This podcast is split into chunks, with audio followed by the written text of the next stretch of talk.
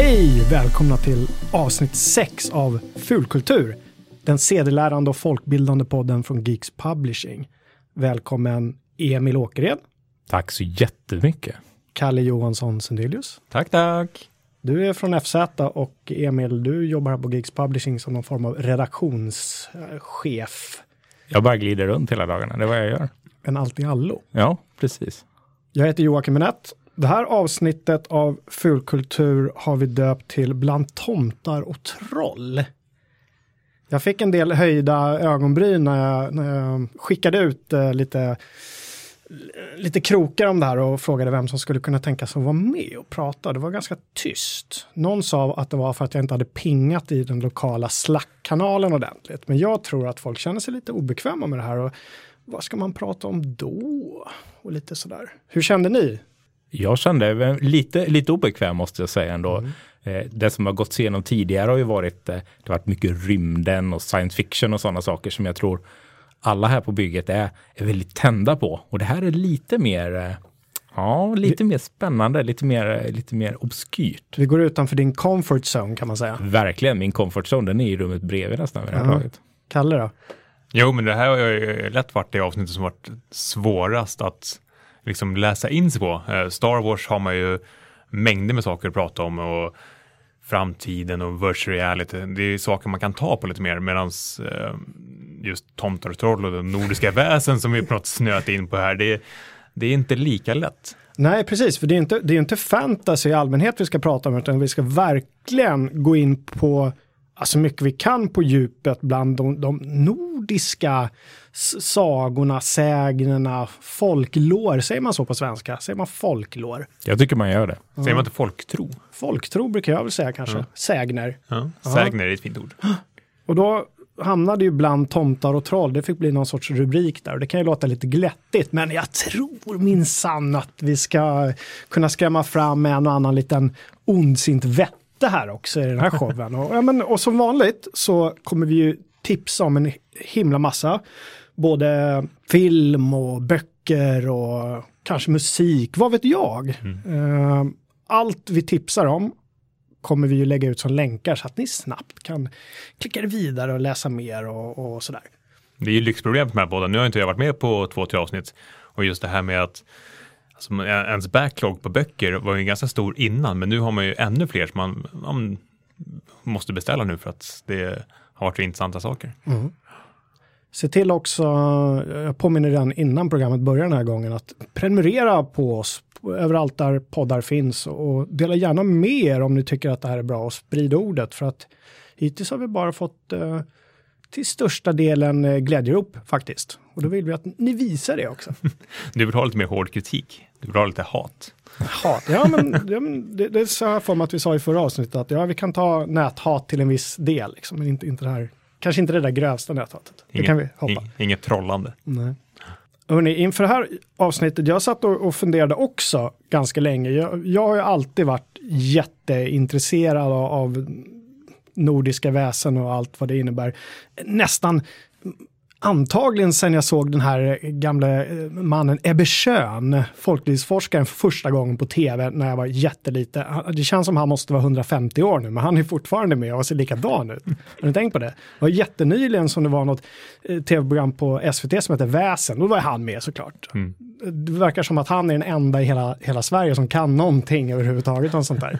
Han kanske är ett väsen själv. Ja, men eftersom jag har följt honom nu under hela min uppväxt här så, så känner jag att ja, men jag ska tangera i alla fall lite grann vad han, vad han kan och så göra en djupdykning i den här podden i, i, i det här intresset som man måste ändå säga att jag har. Du är lite lärjunge där alltså. nästan Ja. Ebbe Schöns eh, lärjunge. Ja. Ja, absolut. Ni, ni, ni ser honom framför er va, när jag pratar om honom. Ja. Stort, buskigt, vitt skägg och väldigt så här god, god gubbe. Men hur som helst, det var ändå svårt att, att hitta liksom och göra nedslag i, i, i fullkulturen som, som gäller det här ämnet. Man var tvungen att rannsaka sig själv vad jag sett. Det finns ju jättemycket där ute, men var? Och första tanke jag hade var att finns det för lite av det här? Jag menar, det, det är ju en så otroligt rik källa att att liksom gräva ur. Varför används inte det mer idag på tv, i radio, i böcker? Eller gör det det? Eller bara att man missar det?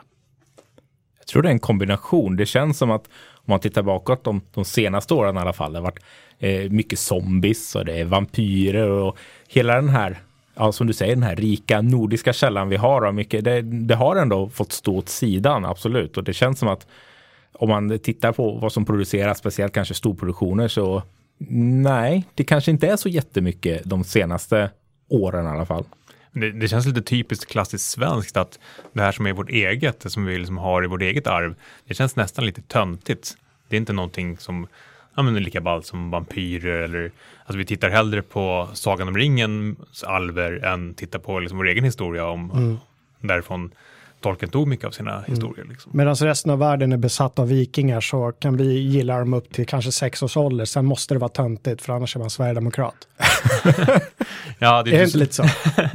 det är inte så ofta man går ut på Drottninggatan och köper en plastvikingahjälm och går runt med med stolthet nej, direkt. Nej. Kanske på någon svensexa för skojs skull. Men... Nej.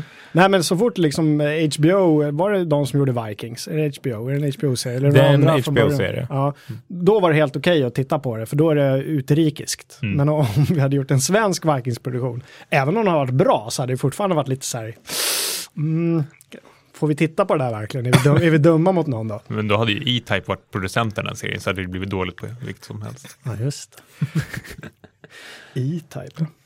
Han har ju en vikingarestaurang dock. Det har han. Ja, vikingarestaurang, vikingaby. Så att eh, det kanske blir lite samma sak som att det, det är många sådana här lite högerextrema band som har tagit vikingar och liksom det nordiska till sin grej så att man nästan inte kan Eh, ta till sig sådana saker på grund av det. Och sen har liksom E-Type tagit resten av kakan så att allting är liksom besudlat. Men kan man inte säga att E-Type har åter, åter, återerövrat eh, vikingarna från nazisterna? Att de tog det först och nu har han tagit tillbaka det. Nu äger han hela den, liksom, här, den delen av vår historia. Han har patent på det. Ja, det vore i alla fall lite finare. Ja. Hörrni, vi skiter vikingarna. Det får bli ett annat avsnitt känner jag. Hörni, vi, eh, jag kör lite snabbfrågor. Har ni något favoritväsen? Jag är lite förtjust i Näcken faktiskt, oh, måste jag säga. Näcken. Näcken känns ändå som en sån grej. Jag menar, det pratas om vittror och det tomtar och troll, men Näcken känns som en sån grej som man, man har alltid hört talas om. Näcken har alltid funnits där och det, det genomsyrar väldigt många andra. Jag menar allt från Barnen i Bullerbyn till jag vet inte vad. Så Näcken är där och har en liten roll och ja, han är Ja, han är speciell han. Jag, jag gillar den då. Vad, vad gjorde Näcken? Han satt, han satt naken i, i floden och spelade fiol. Lurade han ner folk? För det är ofta så att de har, har ihjäl folk, de här väsena. Ja, han försökte lura ner folk. Det finns olika versioner av det också. Det finns mm. också att han, eh, han lärde folk spela fiol då mot att de då eh, band upp sig i någon form av kontrakt med Näcken. Typ eh, låg med honom eller något sånt. Jag vet inte detaljerna. Du får ringa någon. någon som var med. Det, men det känns lite, så här, lite så sexualiserat många av de här grejerna. Att, att det kunde liksom tangera det där lite, lite förbjudna, lite snuskiga. Mm. Ja. Det känns överlag som det var ett, hela, alla de här sägnen är ett sorts utlopp för människor att liksom antingen var, när det rör sexualitet eller naturfenomen eller någonting som de inte förstår eller kan förklara eller man vill att barnen ska gå och lägga sig, men då hittar man på någonting för att liksom. Ja, men så, äh, Näcken kommer väl ifrån att barn inte skulle leka vid bäcken för då kunde de ramla i och drunkna. Ah. Så, det är så jag har tolkat i alla fall. Ja, men det låter så, ju helt logiskt. Ja. Och varför han var naken och spelade fiol. det är lite mer oklart. Och varför finns det en kondom som heter Näcken? Oj. Eller fanns det i alla fall. Jag vet inte hur det ser ut nu för tiden. Mm. Näcken, den räfflade kondomen. Nej, jag vet faktiskt jag, jag gissar faktiskt bara nu. Det kanske blev lite en fiolmelodi när man öppnar den. Vem vet? Kalle, vad har du för favorit? Ett, kanske ett oknytt eller ett väsen? Eller en... Nej, men jag gillar ju den där hustomten. Mm. Uh, det känns fint på något sätt. Det är också en av de som inte var, alltså den, den kunde ju vara lite stygg också och, stra, och straffa människorna om de inte liksom sig. Men det, var, det känns ändå fint att det var en liten, en liten varelse som gick runt på gården och såg till så att uh, fåglarna fick lite mat och tog hand om hästen. Och, ja, men, mysigt. Man, man skulle vilja ha en egen liten hustomte på sitt landställe som liksom såg till istället när man själv inte var där. Eller? det är kul att du säger det för att uh, min favorit måste nog ändå också vara tomten, kanske mest för att man fortfarande har en liten sorts relation till den svenska hustomten. Jag ställer alltid ut, eller jag och mina barn ställer ut gröt mm. på, på julafton till tomten med en klick smör i. Gammal kvarleva från jättelång tid tillbaka. Mm. Men um, Anledningen till att jag högg lite där och sa eller, jag bad er kolla på ett, en liten trailer inför det här avsnittet. ja, precis. eller hur? Ja. Uh, finns en film, en uh, mockumentär av en svensk filmare som heter Ted Kjellson. Den här filmen heter Tomta Gud. Ja, det, såg en, en sex minuters trailer på den. den verkar ju jättemysig fram tills just det här momentet som du eh, sitter och fnittrar åt. Kan inte du berätta din upplevelse av den här, av den här Ja, trailern? men det, det, var, det inleddes just med det här mysiga, en liten hustomte som pulsar runt i snön. På något sätt så är det alltid snö när det är hustomtar med i bilden. Uh, och liksom, ja, men går in i ladan för att titta till hästen och hittar en liten gris.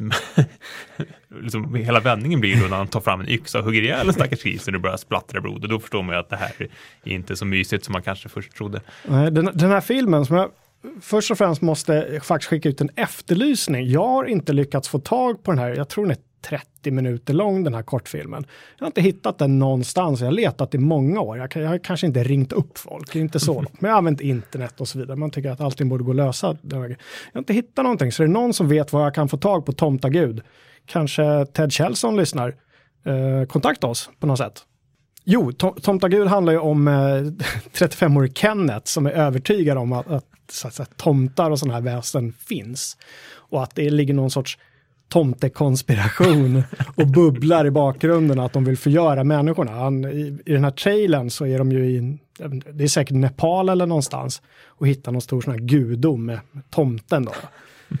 Och det skriver den här eh, Ted Kjellson redan i intro till trailern här, en utdrag från, eh, om det är Uppenbarelseboken eller någonting, Heliga Birgitta, gamla, eh, Nunnan? gamla helgonet, gamla nunna, hon var väl nunna först var hon det? Ja, jag tror det. Hon varnade ju för att eh, folk höll på att dyrka de här gamla väsena, gamla tomtarna, det var väl när kristendomen gjorde sitt intåg kan jag tänka mig. Och det, var, det är hon som har så att säga, skrivit det här Tomta Gudi, så det är därifrån Kjellson har tagit titeln till den här filmen.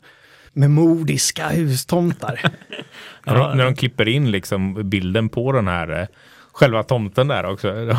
Han ser ut som, eh, ja, han ser Ja. ut som något från mardrömmar. Ja. bara är så. Ja, fruktansvärd. Han, och grisen skriker när han höjer sin yxa där, och blodet forsar och det är fantastiskt.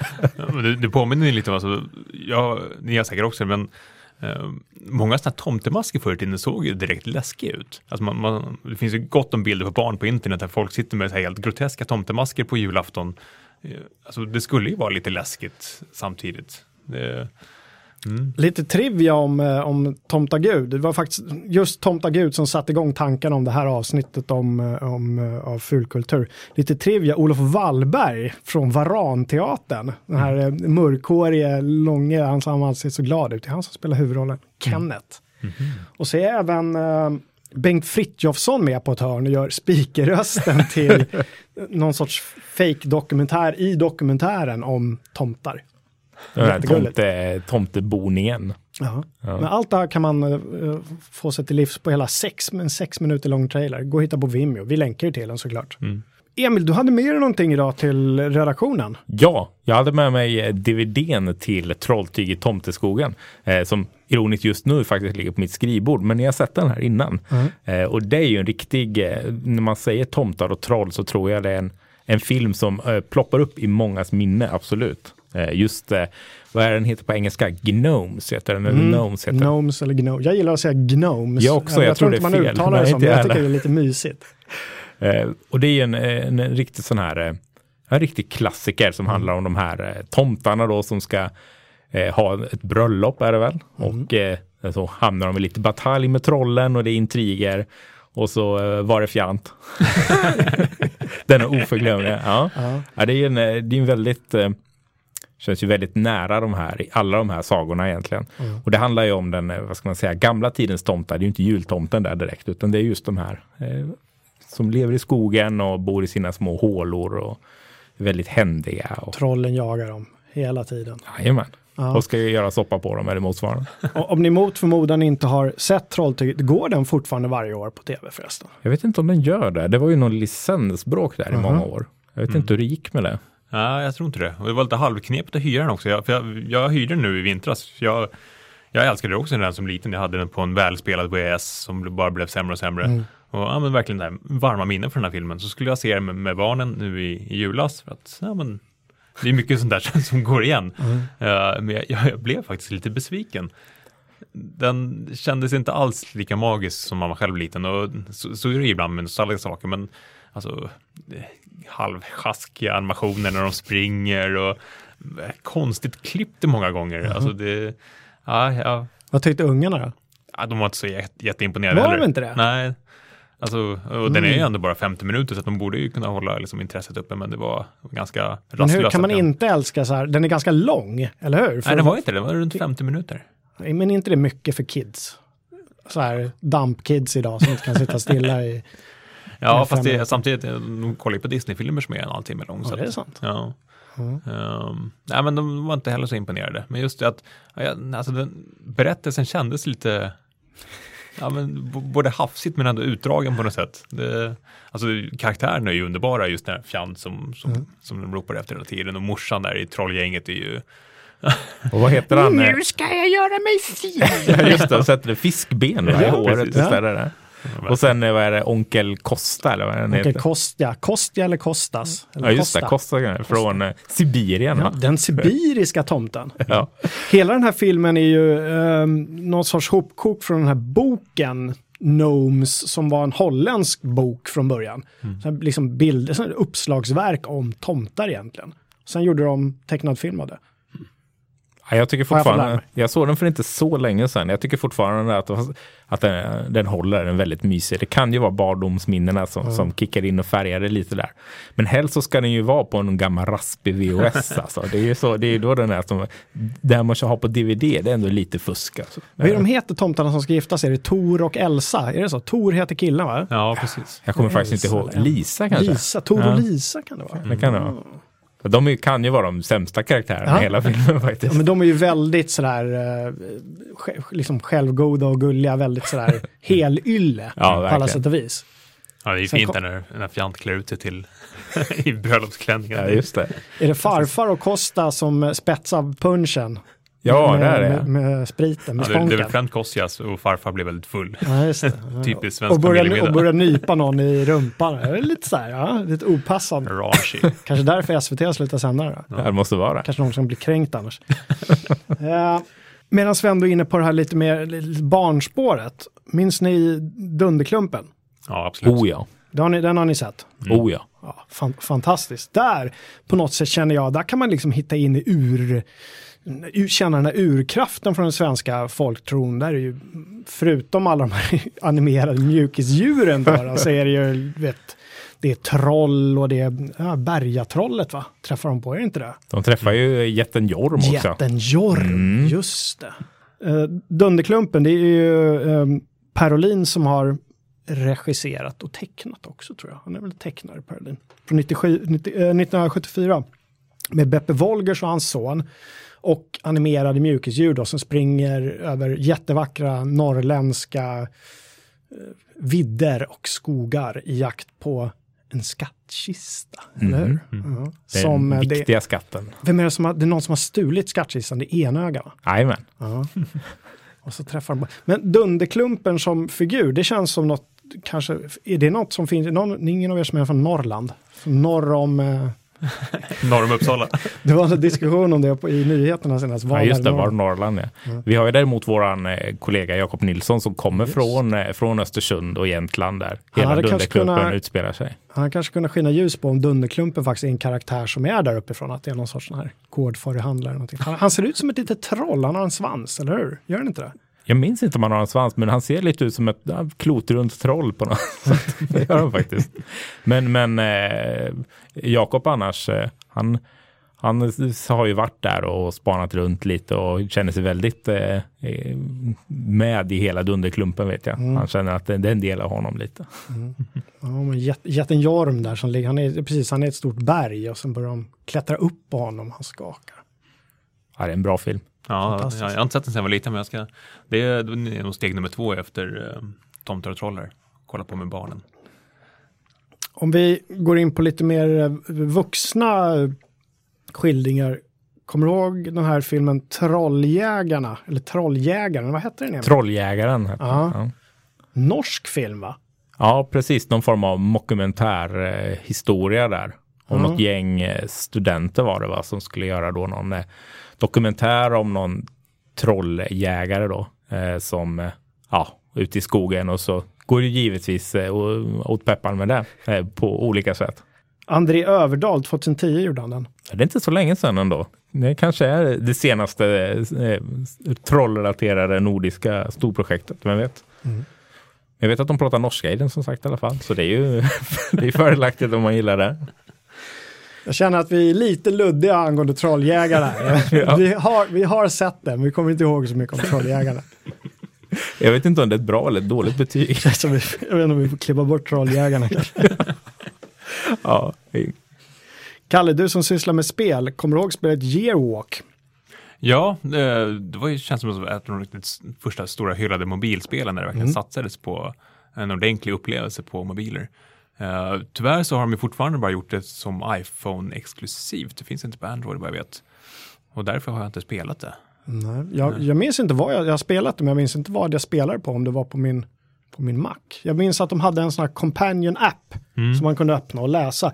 Eh, Vi tar det från början, Yearwalk är är gjort av eh, sve- svenska, är det en duo, Simogo? Ja, precis. Ehm, jag minns inte hur många de är, men de är lite mer kända för glättiga barnspel i pastellfärger. Eh, så det var ju lite överraskande att de gjorde just det här Yearwalk. De, men det är ju ett nedslag verkligen i den nordiska folktron. Själva titeln Yearwalk kommer ju från svenskan, å, svenskans årsgång. Så att säga, när man en gång om året, kanske när det var som mörkast, vad vet jag, gick ut och, och vandrade runt i skogen. Man hade fastat och man fick inte sova och man fick inte äta och så vidare. Och så skulle man då på något sätt se hur resten av året skulle bli genom att tyda olika tecken och så kunde man träffa på olika varelser och sådär. Och det här har de försökt visualisera i någon sorts spel som blir något pusselaktigt. Men jag kommer ihåg den stora behållningen jag hade, det var just den här companion-appen när man tog upp och läste om de här olika varelserna. Fantastiskt. Ja, precis. Sen hade vi ju lite eh, tomtar och jättar i eh, Josef Fares spel också, Brothers. Det var inte så Just det. jättenordisk feeling på det i övrigt, men det var ju tomtar, Ja. eh, inte tomtar men troll och, och jättar med. just det, där har jag nästan glömt det spelet. Det var väldigt charmigt vill jag minnas. Ja, väldigt speciellt. Ehm, sen var det faktiskt ett spel som annonserades här mitt, eh, ja, den 13 i, i fredags, eh, som heter Midvinter från Talacore Studios, ehm, som handlar just om hustomten, eh, som går runt på en gård och man, det ska vara lite ett peka och klicka-äventyr. Eh, det finns en trailer ute som vi kommer länka till, eh, där man får välja då om man ska hjälpa ehm, husbonden eh, med att kanske reda ut lite rep och eller ge hästen lite hö och sådana ja, men så här tom, tomtesysslor. Det låter som ett så här tomtemanagement-spel. när du beskriver det. Tomte simulator. Ja. Eh, eller om de, om de ska alliera sig med de här varelserna ute i skogen och, och göra det lite svårare för människan. Ehm, det, det ser väl lovande ut. Ehm, och kul ju som sagt att det, när vi har efterfrågat mer nordiska saker att det blir någonting gjort på det. Vi kanske inte ska gå så långt som att säga att det är en, en revival för våra nordiska väsen, men det känns lite grann som det kanske går i cykler här. Vi pratade om det lite tidigare just att det kommer tillbaka och sen så försvinner intresset helt för sådana här grejer i 20-30 år, så kommer det tillbaka igen. Det känns ju lite som att vampyrer och zombisar kanske har, eh, har gjort sitt lite för den här gången. Så det kanske söks något, något annat att ta över lite där så att säga. Men sen också hela den här grejen med just spel till nordisk mytologi influerar ju kanske fler spel än vad man tror, även om det inte är så, så nischat som några av de som kom upp här. Så ja, Witcher 3 till exempel, hela Skellige där är ju väldigt influerat av, av nordisk mytologi, lite sådär. Eh, och ja, andra titlar också. Så eh, helt borta är det ju inte, men det kanske inte är liksom tomtar och trollnivå då, utan det är nog mera jättar skulle jag säga. Och, och den som, som ändå sticker fram näsan ibland och är med på ett hörn.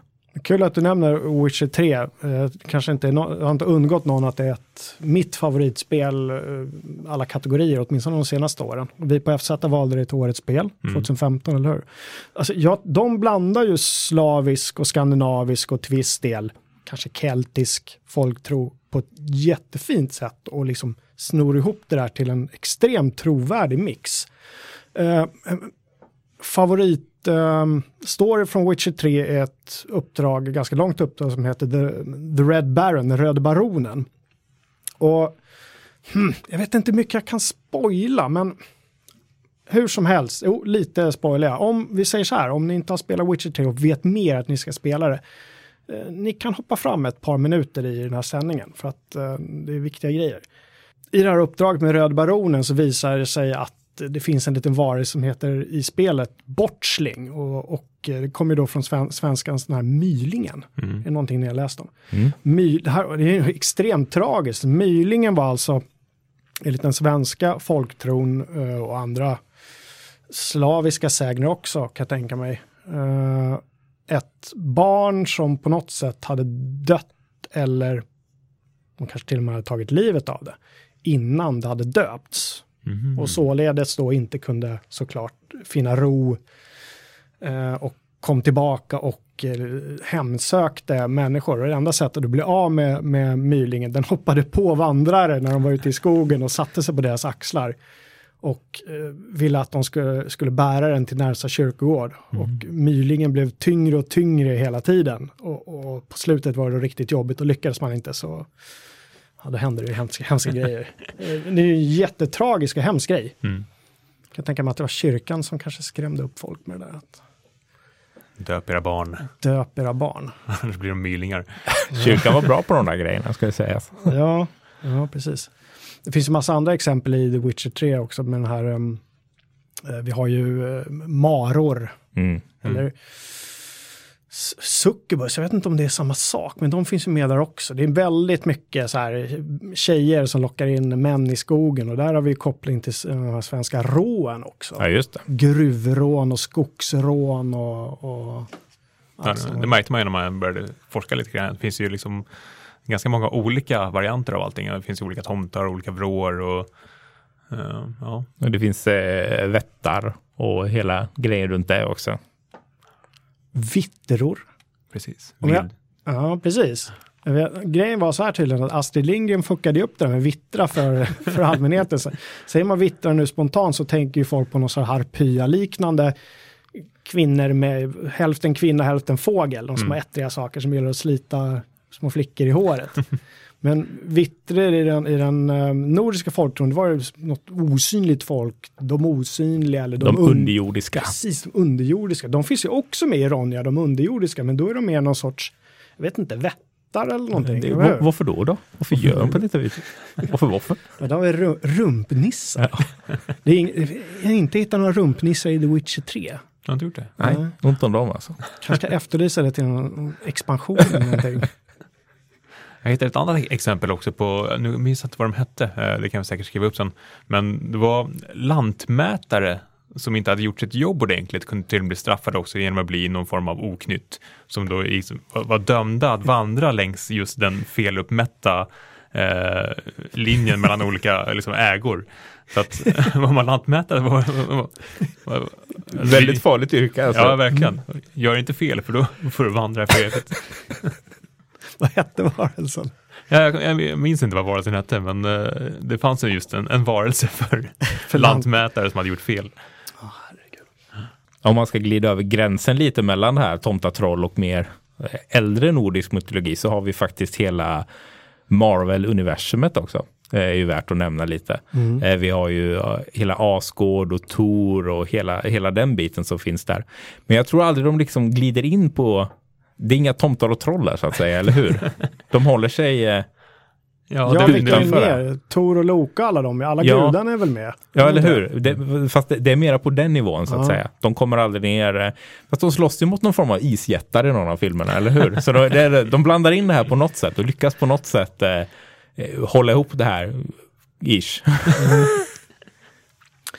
Uh, hörni, hur, vad känner ni i den här, den här gl- globala tiden som vi lever? Har de här liksom, sägnerna någon, någon plats? Vad kan, vi, vad kan vi använda dem till liksom, idag? Har, för, har de någon nytta förutom att vi minns vårt kulturarv? Har de någon praktisk nytta? Det är inte så att man går och hotar lantmätare med, med vad de nu heter, de, de varelserna idag. nej. Hotar vi våra barn? Jag vet inte. Jag har inga barn så att jag hotar dem inte alls kan man Nej. säga. Nej, och jag, jag skulle nog inte hota dem med att gå nära bäcken för där sitter en naken pojke och spelar fiol. Eller en naken man, det är ännu värre. Eller? Ja, jo, det ska väl mer vara det. Mm. Eh, men man kanske skulle, ja, i, idag är man nog lite mer krass, att ja, men, följ inte med främmande män när de kommer med sina bilar eller gå inte ner i vattnet för där kan du halka och drunkna. Eh, det, det känns inte som att man har samma behov i, idag av att liksom, omskriva det till någon form av väsen istället. Mm. Man, eh, man är mer realistisk. Jag kommer på mig själv ibland på somrarna att lura i mina barn om troll i skogen. Inte för att de ska bli rädda och inte våga gå in i skogen, utan snarare tvärtom, att det ska vara något spännande. Sen kommer jag på att det, kan, det kanske liksom får motsatt effekt. Det har inte visat sig än, men jag vill ändå alltså, att de ska växa upp i någon form av liksom, tro att det finns något mystiskt där ute, men som inte är allt för läskigt och farligt. Nej, alltså man, man vill ju bygga upp den här magiska världen det, är- det är väl lite därför den här ja, men sägen om jultomten fortfarande hänger kvar. För man, Mm. man minns ju själv hur magiskt det var. Att det kom någon herre med en stor säck med klappar. Det var, det var, det var lite läskigt och, och roligt. Det, sen blev det ju mer julklappar och sen insåg man ju att det var ju bara farfar som hade en mask i Mm, ansiktet. Uh, så att mina barn har ju liksom genomskådat det här. Så vi, vi har ju slutat med jultomtar på julen. Uh, Mm. just för att det finns inga yngre eh, liksom, i familjen på det viset. Men, eh, Vad, vad är din yngsta? Fyra, fem? Ja, han har sex? fyllt fem nu. Inga yngre. Han är redan gammal och Ja, bitter. ja men redan realistiskt. Men Mm. jag, alltså, jag förstår vad du menar, att man, att man vill bevara det här magiska. Mm. Eh, Är det någon sorts projicering vi sysslar med kanske? Att det är vår egen svunna barndom som vi på något sätt försöker projicera över på våra barn? Och, och liksom forma, eller våra, våra nörderier. Ja, det gör man ju hela tiden. Alltså, Mm. Mina barn har ju aldrig sett Star Wars, men de vet ju vad Star Wars är. också, så. Lego Star Wars har de sett. Eller? Nej, inte ens det. Nej. Det får min son kolla på. Ja, Han är det- bara fyra. Han, det är spoilers, vet du. Det går inte, man måste se på originalet först. Jaha, det är så du resonerar. Mm. Ah. Ja, ett litet sidospår där. Nej, men, eh, just det magiska med, och kanske, det kanske kan vara ett grepp för att locka ut barnen. Man håller på med Mulle fortfarande. Ja just det, det gör man. Han är någon form av, Han är väl någon troll av något ja men visst är han det. Trollet Mulle. Ja. Vad gör han då? Skogsmulle. Ja, Ja, det är någon scoutgrej, är det inte det? Någon Ja. sån här, just skogsmulle. ja. jag kom, eh, någon, eh, nu bara dök det upp också hela grejen med, med Nicke Lilltroll också. bara från ingenstans. Det var min pappas favorit. Han, han satt alltid på någon skiva med Nicke Lilltroll. Jag vet inte om det var runt jul. Någon skiva, en LP-skiva med Nicke Lilltroll som han stod han och fnissade för att han hade tagit en whisky eller någonting. Pappa, det här måste ni lyssna på barn. Och vi förstod aldrig riktigt det roliga i Nicke Lilltroll. Ja, eh, jag, jag lyssnade på jättemycket på Nicke Lilltroll när jag var liten, men jag kommer verkligen inte ihåg någonting nu. Inte ett dugg. Nej, jag minns bara namnet, men jag har ingen minne av, av resten. Vi hade ju trollet Hugo också som var en stor grej när vi var små. Ja, just det. Eh, Första interaktiva eh, upplevelsen på Barnkanalen. Man kunde ringa in och spring, spring, hoppa genom att Trycka trycka. på knapptelefonen. Det är ju fulkultur på hög nivå och det var som fördröjning, kommer du ihåg det? Ja. När man ringde och man tryckte på den här jävla femman eller vad det var och så hoppade ju Hugo eh, tio minuter senare liksom. Fullständigt omöjligt Och man själv alltihopa. hade spelat Super Mario liksom i, i timmar och tyckte att alla var helt värdelösa på, vad fan, ni kan inte ens hoppa över ett litet hår, vad är det mer? Dåliga människor. Och han skulle rädda Hugolina, visst var det så? Ja, visst, Ja. från någon häxa eller vad var det? Ja, just det. Ja, komplicerat där, Hugo. Men, men det känns ju hur som helst att, menar, som, som vi sa, den här veritabla brunnen av eh, roliga berättelser som finns, eller roliga kanske är fel uttryckt, Hem, de är ofta ganska hemska de här historierna. Men att kulturskaparna borde kunna liksom gräva lite djupare där Mm. och använda sig av det här materialet som redan finns där. Ja, verkligen. Jag kikade lite på science fiction-bokhandelns topplistor och Mm. de, de menade på att ehm, det, det är en, en att det är på gång med mycket mer svensk fantasy och science fiction på det viset att eh, folk börjar hitta tillbaks. Um, vi har bland annat en eh, Johan Egerkrans, uh, illustratör som gör eh, bilderna i nya versionen, ny version av Drakar Demoner. Eh, han har också gjort den stora odjursboken som jag måste beställa. En jättefin, men lite barnslig bok med, ja, men, som går igenom olika sorters odjur och beskriver dem på ett väldigt fint och snällt sätt. Någon som har liksom satt bilden av hur vi ser på, på troll och varelser måste ju vara John Bauer, Mm, absolut. den gamla målaren. Ja, fantastiska illustrationer. Eh, han, han dog väldigt ung däremot. Eh, jag var tvungen att forska lite om Han drunknade med hela sin familj på Vättern. Han var 36 år gammal. Man bodde väl i Gränna eller Jönköping eller sånt där, där de trakterna. När man åker förbi där med bil så ser man ju står ett stort jävla troll där vid motorvägen. Det är Ja, liksom precis. Uh, och han var en av de första som illustrerade den här boken Tomtar och troll som, mm. som ge, den ges ut årligen. Mm. Om, uh, uh, väldigt, väldigt vacker. Ja. en annan illustratör som tog över efter honom hette Gustav Tengren mm. som höll i den här boken i ett par år. han flyttade senare till USA och blev den, deras Walt Disneys art director och animationschef och var med när de skulle göra Snövit, den första mm. animerade långfilmen med ljud. Uh, och även var med sen under Pinocchio och uh, Fantasia och Bambi. Så att det kanske kan förklara lite vad, vad, Disney har fått. För de tar ju lite inspiration ibland från uh. Och, och, och, Disney har i, i, sin tur sen satt ju, ju satt tonen under ganska lång tid för hur vissa varelser ser ut och, och tecknas och beskrivs. Mm. Aha, så kanske John Bauer som ligger och lurar i grunden. Precis. Mm. Jag har en favoritbild med eh, John Bauer som dyker upp direkt i huvudet. Det är den här eh, lilla flickan, om det är en liten prinsessa med blont hår som står naken vid en skogstjärn och så står det några stora, stora, stora troll och böjer sig ner över henne. Mm. Inte på, på alls hotfulla utan mer nyfikna på den här lilla prinsessan eller vad det är en uh, fantastisk målning på alla sätt och vis. Mm. Jag glömde nämna det förut också med han Johan Egerkrans. Han har också gjort en bok som heter Nordiska väsen där han går igenom uh, våra nordiska väsen med bilder och små beskrivningar också. Mm. Så att han, uh, det kanske är fanbäraren för den nya, nya vågen av nordiska väsen mm. i svensk litteratur. Någon annan som verkligen har satt bilden, får man säga, hur den moderna tomten ser ut är ju eh, Jenny Nyström. Just det. Som har eh, tecknat ja, oändliga antal kan man säga eh, tomtebilder. Eh, under 1800-talet var det väl. Som mm. fortfarande är eh, ja, alla julkort som skickas praktiskt taget varje år har väl Jenny Nyström bilder på sig. Mm. Och eh, även som inte tecknade men som skrev så var det väl Viktor Rydberg va? Han skrev den dikten Tomten. Det, tomten. Mm. Jag läste alltid min mamma på julafton. Midvin, eh, stora. Midvitt i nattens kölder hård. Ja. Jag hade som jultradition att innan vi började öppna julklapparna så läste alltid mamma den dikten. Det är ett fint minne. De här Jenny Nyström-tomtarna är ganska, de är ändå ganska snälla, eller hur? De ser, kan se lite så små ilskna ut, men det är i alla fall en, en glad ton i hennes målning, eller hur? Det är inte de här läskiga gårdstomten som kanske har ihjäl kossan om du glömmer lägga smör i gröten. Liksom. Nej, utan det är, det är, det är intrycket av att vara vänliga väsen, mm. absolut. Men det är ju hon körde ju röda luvor på nästan alla sina tomtar, eller hur? Ja. Många tror ju att den röda luvan är en Coca-Cola-tomteprodukt, men den har ju hängt med. Däremot de här röda stora kläderna och det här långa, långa, tjocka vita skägget och ho, ho, ho, det är en klassisk Coca-Cola-tomte. det där läste jag faktiskt om att det sägs vara en modern myt. Är det en myt? Hela den Coca-Cola-grejen. Tänk där. om jag sprider myter i fulkultur. oj, oj, oj. Uh -huh. Nej, jag bara läste lite kort att eh, det, det, det, är någon form av modern myt att det är Coca-Cola-tomten och att egentligen den här tomten var ganska etablerad innan och mm. sen tog, plockade Coca-Cola upp det till sitt reklamkoncept. Men att andra företag hade kört liknande innan lite så. Jo, men han är väl Sankt Nikolaus. Det är ja. väl det, den, om vi säger den, den anglosaxiska tomten då? Blir det mer överensstämmande med verkligheten? Jag vet faktiskt inte riktigt. Amerikansk-engelska tomten, att det är han som blev Coca-Cola-tomten och därför säger man ja. Coca-Cola-tomten. Alltså många associerar det absolut med Coca-Cola, så på det sättet är det ju Coca-Cola-tomten. Mm. Den här reklamen som gick för vad är det, 15 år sedan på tv nu med de här lastbilarna som åkte. Jag, menar, all, jag tror alla kommer ihåg den och känner igen den. Ja, men det är bra att du hugger igen mig, för vi, vi ska inte sprida villfarelser i fulkultur. Vi är ju en sedelärande och folkbildande podd. Vi kan inte gå och sprida myter här. Det kanske, Hur skulle det se ut? Det blir det moderna väsendet, den som sprider myter i podcast. Han får, han får vandra i eten i all evighet. den är bra.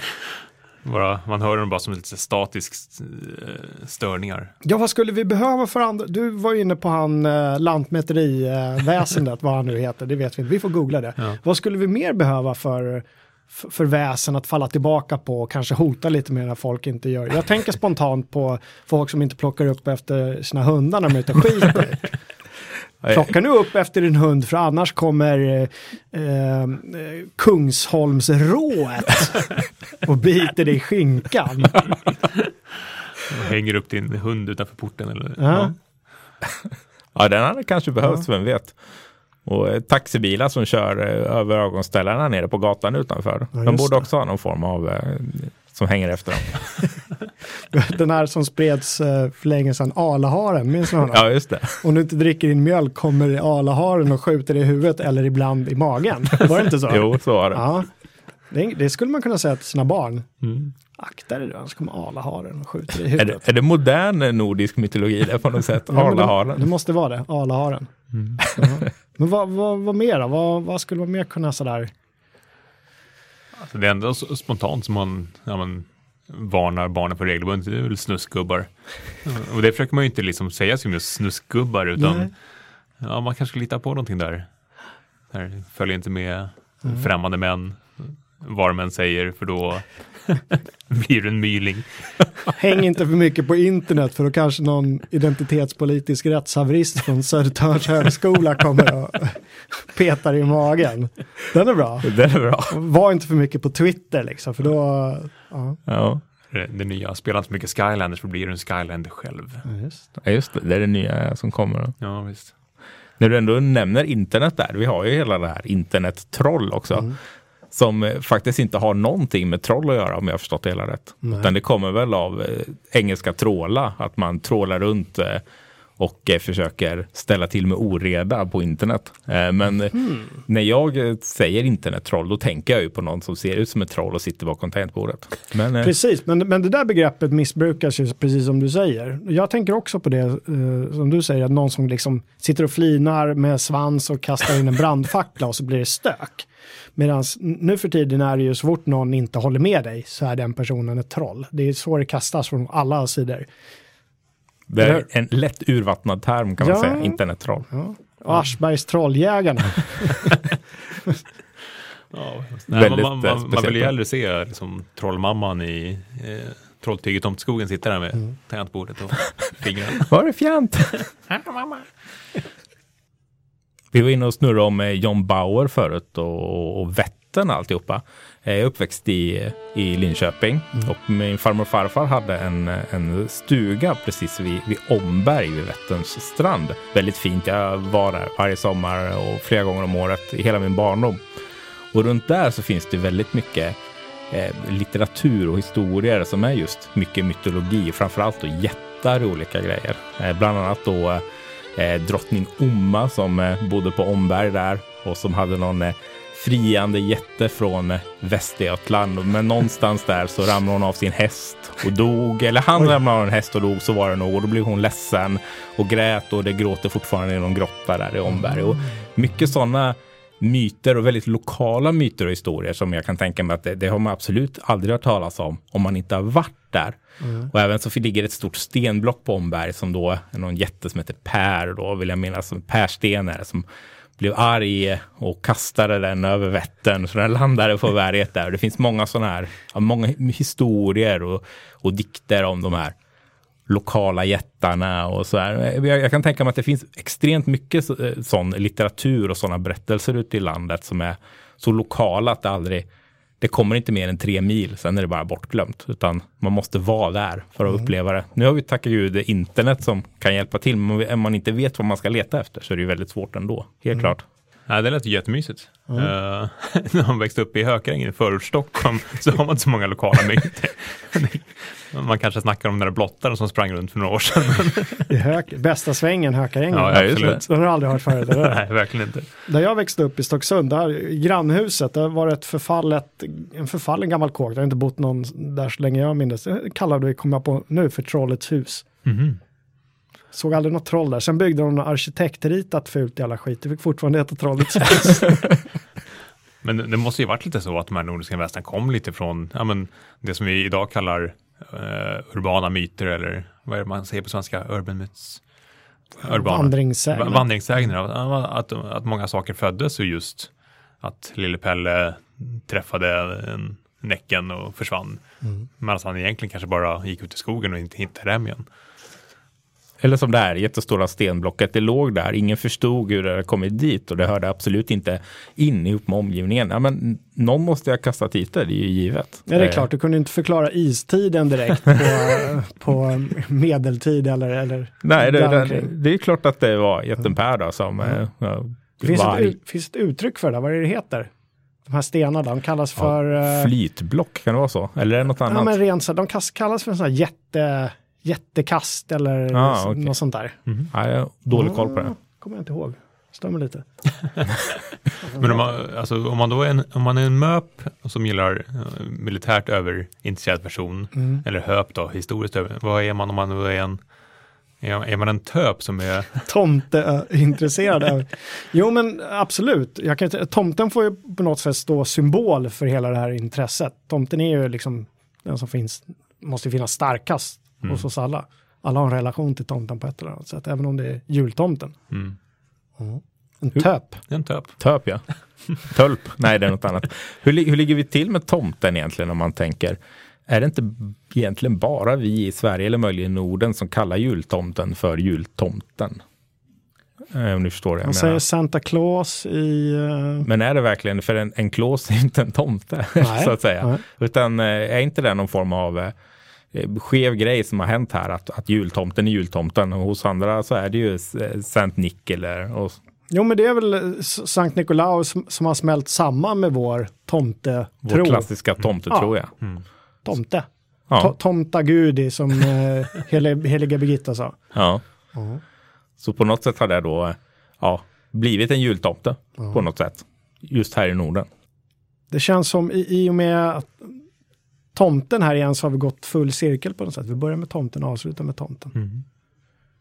Eh, Jag tycker vi tog igenom det här avsnittet ganska bra trots att det kändes, det var ett litet motstånd, inte motstånd men eh, en viss, eh, en viss ängslan inför avsnittet. Hur ska vi, hur ska vi tackla? Och som du sa Kalle, vad konstigt, det är vår egen, liksom, vår egna säger, vår egen folktro. Ja. Varför är det så, ligger det så långt ifrån? Ja, man får ju hoppas nu så att, att det blir som science fiction-bokhandeln säger, att, eh, att det är en ny våg av att, att nordiska författare verkligen tar till sig eh, den här rika skatten och gör någonting nytt och, och spännande av det. Jag har ett tips till eh, SVT. Kör en julkalender där varje avsnitt är en av de här. Har de inte gjort det förresten? Det ringer en klocka när jag säger det. Det finns ju en gammal radiokalender som heter Tomtar och troll som gick Ja. 86. eh, som handlade, uh, det var gammeltrollet som skrev sitt testamente och trollsonen med solögon. Det var lite små berättelser i, liksom i radioteaterform. Eh, men någon tv-kalender känner jag inte igen. Tusen år till julafton Ja, något sånt här, ja, Precis. Det de har gjort tidigare det är väl det här troll, trolltider som vi såg när vi var små. Mm. Det är det närmsta jag kan tänka mig att de har kommit det här. Men eh, tips där, SVT. Sagor och sägner. Det finns ju enormt mycket att, att hämta där. Avsnittet om Mylingen har potential att bli en, en sängvätare Eller lantmätare. eller lantmätare. Ja, vi måste ju på något sätt, lantmätarna måste ju vara med. Ja. Absolut. Arla har det. Han får en egen lucka, Arla har den. Men eh, tack för att ni har lyssnat på oss. Tack Emil och tack Kalle för att ni ville sitta med mig i, idag. Här är vi har gjort det lite mysigt i studion. Det är lite mörkt just nu. Vi skulle prata om, om väsen. Det är nästan som man ser väsen borta i hörnan här i studion. Jag tycker det har varit mysigt. Jag är svettig om ryggen. Tack för den informationen. Tack, tack alla som har lyssnat. Vi kommer tillbaka om två veckor igen. Då vet vi inte vad vi ska prata om. Men det här var ett litet avsteg. Det var inte, vi har ju kört science fiction i stort sett i fem avsnitt. Mm. Lite säkra kort. Postapokalyps, säkra kort känns det som. Det här var lite mer osäkert och jag tycker vi gjorde det bra. Tyck till, eh, ni som lyssnar. Och tack så mycket så håller vi där helt enkelt.